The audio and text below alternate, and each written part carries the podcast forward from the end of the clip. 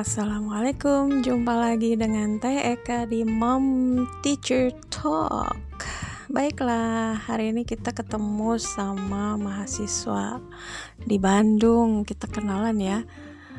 Uh, topiknya kali ini kita mau ngomongin new normal di kehidupan sekolah atau kehidupan kuliah.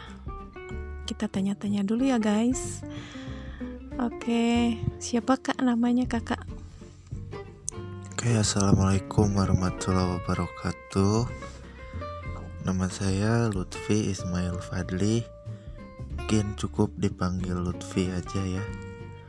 Saya, uh, saya tadi udah disebutin mahasiswa tepatnya semester 2 di Politeknik Alislam Bandung. Baik, kakak kakak Lutfi ini ya uh, sudah SHFH atau School from Home? Udah berapa lama kak? Udah School from Home. Tahu kalau mahasiswa nggak School from Home kali ya. Study from Home tepatnya. Dari pertengahan Maret sekarang akhir Mei berarti udah hampir dua bulan setengah. Udah lumayan butek kali ya oh, jelas itu bukan butek lagi gitu ya.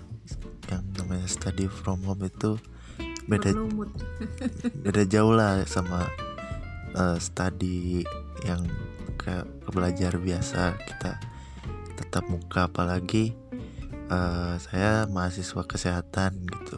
Bisa kerasa banget lah bedanya kayak gimana. Iya baik pertanyaan pertama mungkin lebih ke hmm, yang disuka dulu apa yang nggak disuka dulu? Terserah deh. Dari study from home. Uh, mending dari yang disuka dulu ya. Karena dari study from home ini cukup sedikit yang disukanya gitu. Oh ya gitu. Apa tuh kak?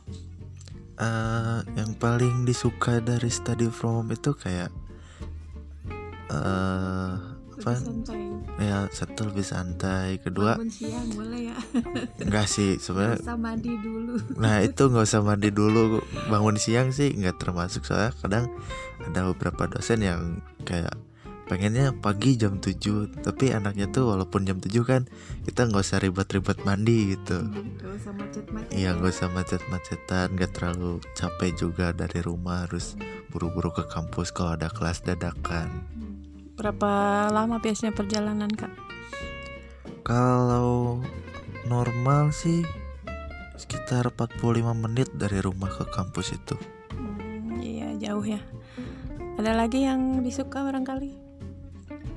Yang disuka lagi tuh kayak ya itu sih kayak lebih bebas aja gitu. Kan kadang setiap uh, sebenarnya gitu setiap orang tuh punya cara belajarnya yang beda-beda antara satu sama yang lainnya. Ada yang belajarnya tuh fokus kayak dia fokus aja gitu. Ada juga yang fokus tuh harus ada pendamping kayak cemilan atau minum kayak gitu. Kan kalau di rumah jadi lebih bebas gitu nggak nggak nggak usah nggak enak sama dosen atau ke teman yang lain kalau kita mau makan atau mau minum. Iya deh sekarang yang nggak enaknya tuh silahkan. Kalau yang nggak enaknya banyak sih ya kalau dari segi aspek. Kira-kira berapa persen perbandingannya? Perbandingannya enaknya 20 gitu, nggak enaknya 80 kalau menurut saya ya. Kenapa? Karena yang tadi saya sebut di awal, saya tuh ya entah mungkin karena saya mahasiswa kesehatan atau mahasiswa yang lain pun merasa seperti itu Gak enak yang pertama dari segi penyampaian materi oleh dosen kepada mahasiswa. Jadi kayak uh, yang saya rasakan tuh materinya tidak tersampaikan sebagaimana seharusnya gitu. Kadang ada materi yang kurang jelas tapi dosennya juga udah materinya kurang jelas, dosennya juga kurang jelas penyampaiannya. Uh, lebih ke skill dosen gimana tuh ngaruh nggak? Ya skill uh, skill dosen juga ngaruh terus? Dalam melakukan uh, online learning. Ya skill dosen juga tentu uh, ngaruh gitu ya dalam uh, pembelajaran online gitu. Saya kayak uh, beberapa dosen kan ada yang gaptek atau Iya yang kayak misalnya ada kan dosen yang udah sepuh gitu nggak ngerti gimana apa sih ngadain home uh, online learning gitu. Iya, terutama kan kalau uh, mahasiswa gitu kebutuhan uh, pembelajarannya uh, lebih apa ya lebih ya kasarnya lebih tinggi gitu dibanding dengan siswa uh, di bawahnya ya namanya juga mahasiswa gitu jadi kayak mungkin kita butuh beberapa aplikasi yang lebih kompleks dalam pembelajaran tapi dosen tuh uh, masih ribet buat ngejalanin uh, apa aplikasi tersebut karena uh, kurang terbiasa pakai atau juga emang terlalu dadakan gitu. Hmm, ya. Yang lainnya gimana tuh? Yang lainnya selain dari materi juga ini dari segi apa namanya tugas yang diberikan oleh dosen terus kadang yang kayak ada deadline waktu gitu ya? Ya satu dari deadline waktunya dua jenis tugas terus dari jenis dosen yang ngasih tugas juga macam-macam gitu. Kadang hmm, apa tuh? Jadi gini ada dosen yang jam 7 ngasih tugas deadline-nya jam 3 sore di tugasnya jam 7 pagi. Padahal kan uh, kalau misalnya kita pikir lagi nih hari itu tuh kita kuliah nggak cuma dosen itu aja masih ada dosen yang lain. Jadi dengan deadline yang sempit kita nggak mungkin dong ngerjain secepat itu. Kedua juga ada dosen yang ngasih tugasnya kayak dia ngasih materi terus kita harus ngerangkum tulis tangan uh, di foto atau jadikan PDF gitu dari foto itu terus kirim ke dosen. Uh, kadang kalau ngerasanya gitu kalau harus ditulis kayak gitu tuh kayak pemborosan tenaga udah mah uh, deadline-nya yang sempit terus harus nulis juga. Hmm, itu kira-kira uh, apa sih kayak ngembangin dirinya kurang gitu kali ya? Gimana dengan uh, penugasan video gitu suka ada nggak ya penugasan uh, pengembangan diri kalau misalnya kita terus-terusan nulis yang ribet tuh justru kalau saya pikir bukan cuman mahasiswanya aja yang ribet tapi dosennya juga ribet. Kenapa dosennya ikut ribet? Tulisan siswa itu kadang mahasiswa itu ada yang jelek. Terus di foto yang namanya foto gitu kan pasti kualitas nggak semua HP sama. Udah tulisannya jelek fotonya hasil fotonya jelek ya wassalam gitu. Iya ya. Jadi malah ngerepotin diri sendiri ya kak ya. Terus uh, ada juga dosen yang suka ngasih tugas video. Uh, mungkin ada dua dosen yang ngasih tugas video dengan karakter yang beda-beda. Yang satu lebih manusiawi deadline-nya tapi tugasnya gak manusiawi gitu. Maksudnya kayak deadline-nya panjang tapi sekalinya bikin video kita tuh panjang sampai sekian menit. Tapi ada juga yang emang deadline-nya pendek tapi dia suka ngedadak ngasih tugasnya kayak uh, uh, apa maksudnya? Bukan gitu uh, jadi si materi yang perlu kita videoin itu pendek. Dan deadline-nya juga pendek dan itu tuh ngedadak gitu. Jadi kayak kita tuh udah harus ngetek videonya berulang kali jangan ada yang salah uh, kalau bisa jangan ada yang salah gitu kan. Apalagi pakai itu ya pakai bahasa bahasa kedokteran gitu ya. Iya terus kan bahasanya juga diusahain harus pakai bahasa yang kalau di kampus ada apa namanya kayak istilah bukan istilah uh, kita tuh apa per, perjanjian gitu. Ada ya kayak ada kontrak gitu kalau misalnya dalam membahas materi usahakan nama nama penyakit atau nama landmark dalam tub, di tubuh itu pakai kalau bisa pakai bahasa Latin minimal pakai bahasa Inggris jangan pakai bahasa Indonesia. Iya jurusannya apa sih kak? Oh ya uh, saya jurusan radiologi. Jadi gimana tuh ribet banget ya ngafalinnya? Ya lumayan ribet. Soalnya kayak radiologi tuh harus detail gitu antara di tulang.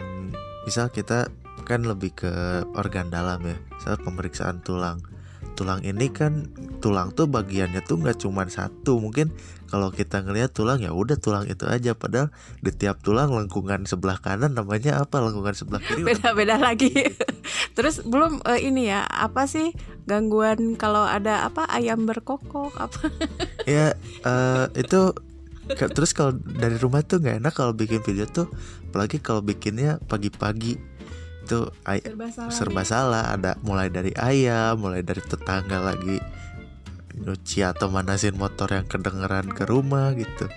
Sampai harus tag berulang kali. Kadang kalau udah sebel banget gitu udah udah males tag ya udah gitu. Ay kedengeran ada ayam atau ada suara motor juga ya udahlah yang penting videonya beres gitu. Akhirnya bukan ke kualitas akhirnya yang penting beres gitu ya kayak ya. yang penting beres terus materinya yang bener gitu. Nggak usah video urusan latar apa latar video atau backsound backsoundnya kayak gimana itu urusan belakangan lah. Itu yang paling uh, menarik atau yang paling apa nggak bisa dilupain lagi pas tugas apa tuh judulnya kak? Yang paling nggak bisa dilupain tuh waktu itu tugas teknik radiologi pemeriksaan abdomen abdomen perut. Teknik radiologi pemeriksaan perut saya bela-belain bangun jam 2 subuh apa? Jam ya jam 2 subuh. Terus udah ya udah mandi gitu udah siap-siap pakai baju bagus udah tag kamera. Saya kira jam itu lagi bulan puasa jam 2 subuh. Saya kirain bakal adem ayam gitu kan. Ayam juga nggak akan berkokok jam segitu. Terus tetangga juga nggak akan nyalain motor. Pas saya udah butek masjid yang biasanya jam 3 uh, bangunin sahur tiba-tiba tuh jam 2 jam dua pas setengah tiga subuh tuh dia teriak-teriak sahur sahur. Kayak kesel gitu. Aduh seru ya teman-teman ya. Uh, ini kakak Lutfi ini oh my god kebayang dong jam 2 yang dia udah uh, dibela-belain matanya udah pakai ditahan-tahan pakai korek api gitu ya guys. Oke deh, udah kebayang itu kayaknya kemudian keesokan harinya si abang-abangnya itu kayaknya dia nyadar oh kayaknya aku ngelindur gitu kali ya. Oke kak harapannya gimana? Kalau misal study from home itu diteruskan misal. Kalau harapan saya uh, sebagai mahasiswa ya ini sebenarnya kompleks harapan saya tuh. Jadi kayak nggak cuman tentang studinya aja tapi nanti berlanjut ke ber, berlanjut dan berkembang ke hal-hal lainnya. Kalau dari segi studinya aja saya harap dosen tuh lebih pengertian. Karena da, e, ngasih tugasnya jangan terlalu memberatkan mahasiswa lah. Terus dari segi nilai juga ya jangan sampai kita udah babak belur masih tetap aja C apa D ya benar gak sih? Iya dari segi nilai juga kayak gitu. Terus ya dosen minta pengertiannya juga lah. Kan yang namanya kerja dari rumah itu kadang yang kerjanya satu yang lainnya cuman kalau tugas terutama yang mata kuliah yang susah kayak yang hitung-hitungan gitu yang kerja seorang yang lainnya tinggal nyalin tapi nilai disamaratain. Ya jangan gitulah. Itu kan tapi sedekah kak. Ya sedekah juga kan. Kalau hampir dua bulan setengah terus misal setiap dua minggu ada tugas ada tugas kayak gitu ya lumayan capek juga kan Iya, ini kalau nih ya kakak ya, kita kan mau ada new normal nih. Kira-kira kesiapan kampus kakak gimana tuh menghadapi new normal? Itu kan mesti ada wastafel khusus lah, sekian jumlah mahasiswa, toilet, air bersih dan sebagainya. Kampus kakak mungkin sudah siap. Tapi kakak melihat mungkin SD SMP SMA PAUD misalnya apa udah siap secara keseluruhan di Indonesia ini? Gimana tuh kak pandangannya? Kalau untuk new normal untuk kelas masih sekolah menengah atas atau sekolah menengah pertama kayaknya masih bisa di akalin ya tentang penggunaan apa namanya uh, pembentukan terus pak disiplin. disiplin siswanya itu masih masih bisa diatur gitu.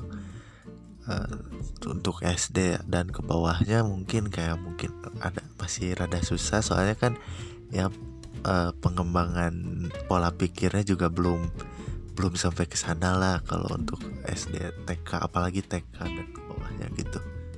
Itu perlu ada bukan hanya kita mesti aware ya dari segi orang tua juga ya kak ya. Tapi yang saya lihat tuh ada ya satu SMP sekelas sampai 40-50 orang loh ada. Jadi impossible banget kalau misalnya new normal sekelas masih 50 orang. Kakak gimana tuh? Satu kampus sekelas ada berapa orang? Kalau saya di kampus satu kelas sekitar 40 orang. Kan 40 orang itu uh, gak mungkin dong. Nanti gimana? Sebenarnya kalau untuk ukuran kampus 40 orang itu masih mungkin ya. Karena ngelihat dari ukuran ruangan kan ruangan lumayan gede gitu. Kalau misalnya harus berjarak satu meter ke de- ke pinggir depan belakang masih bisa. Oh, masih bisa ya. Tapi mungkin lebih ke kalau anak TK SD yang rada repot ya pandangan kakak ya deh kakak gimana ada harapan untuk pemerintah atau apa yang mau kakak sampaikan? Silahkan. Harapan untuk pemerintah? Ya biar uh, kalaupun kita nanti new normal gimana tuh kan tentang fasilitas?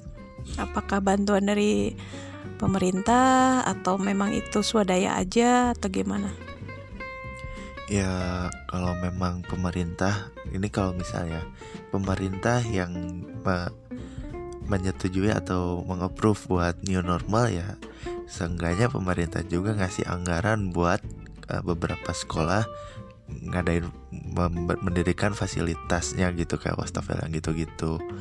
Terus uh, juga ya, yang saya bilang yang saya bilang tadi kalau mahasiswa tuh uh, pemikirannya kompleks nggak cuma di sana doang tapi masalah juga di kampusnya gitu bukan dari oh iya ya Oke deh guys, gitu kayaknya hari ini uh, bincang kita dengan calon radio loh.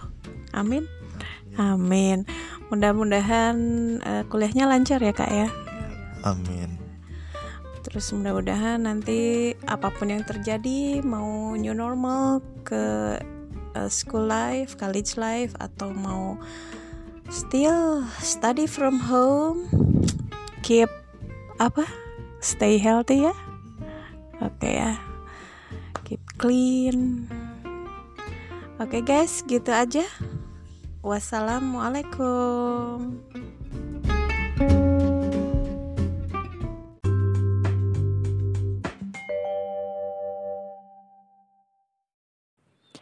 Well guys, itu dia materi kita tentang giving permission. See you later. Bye.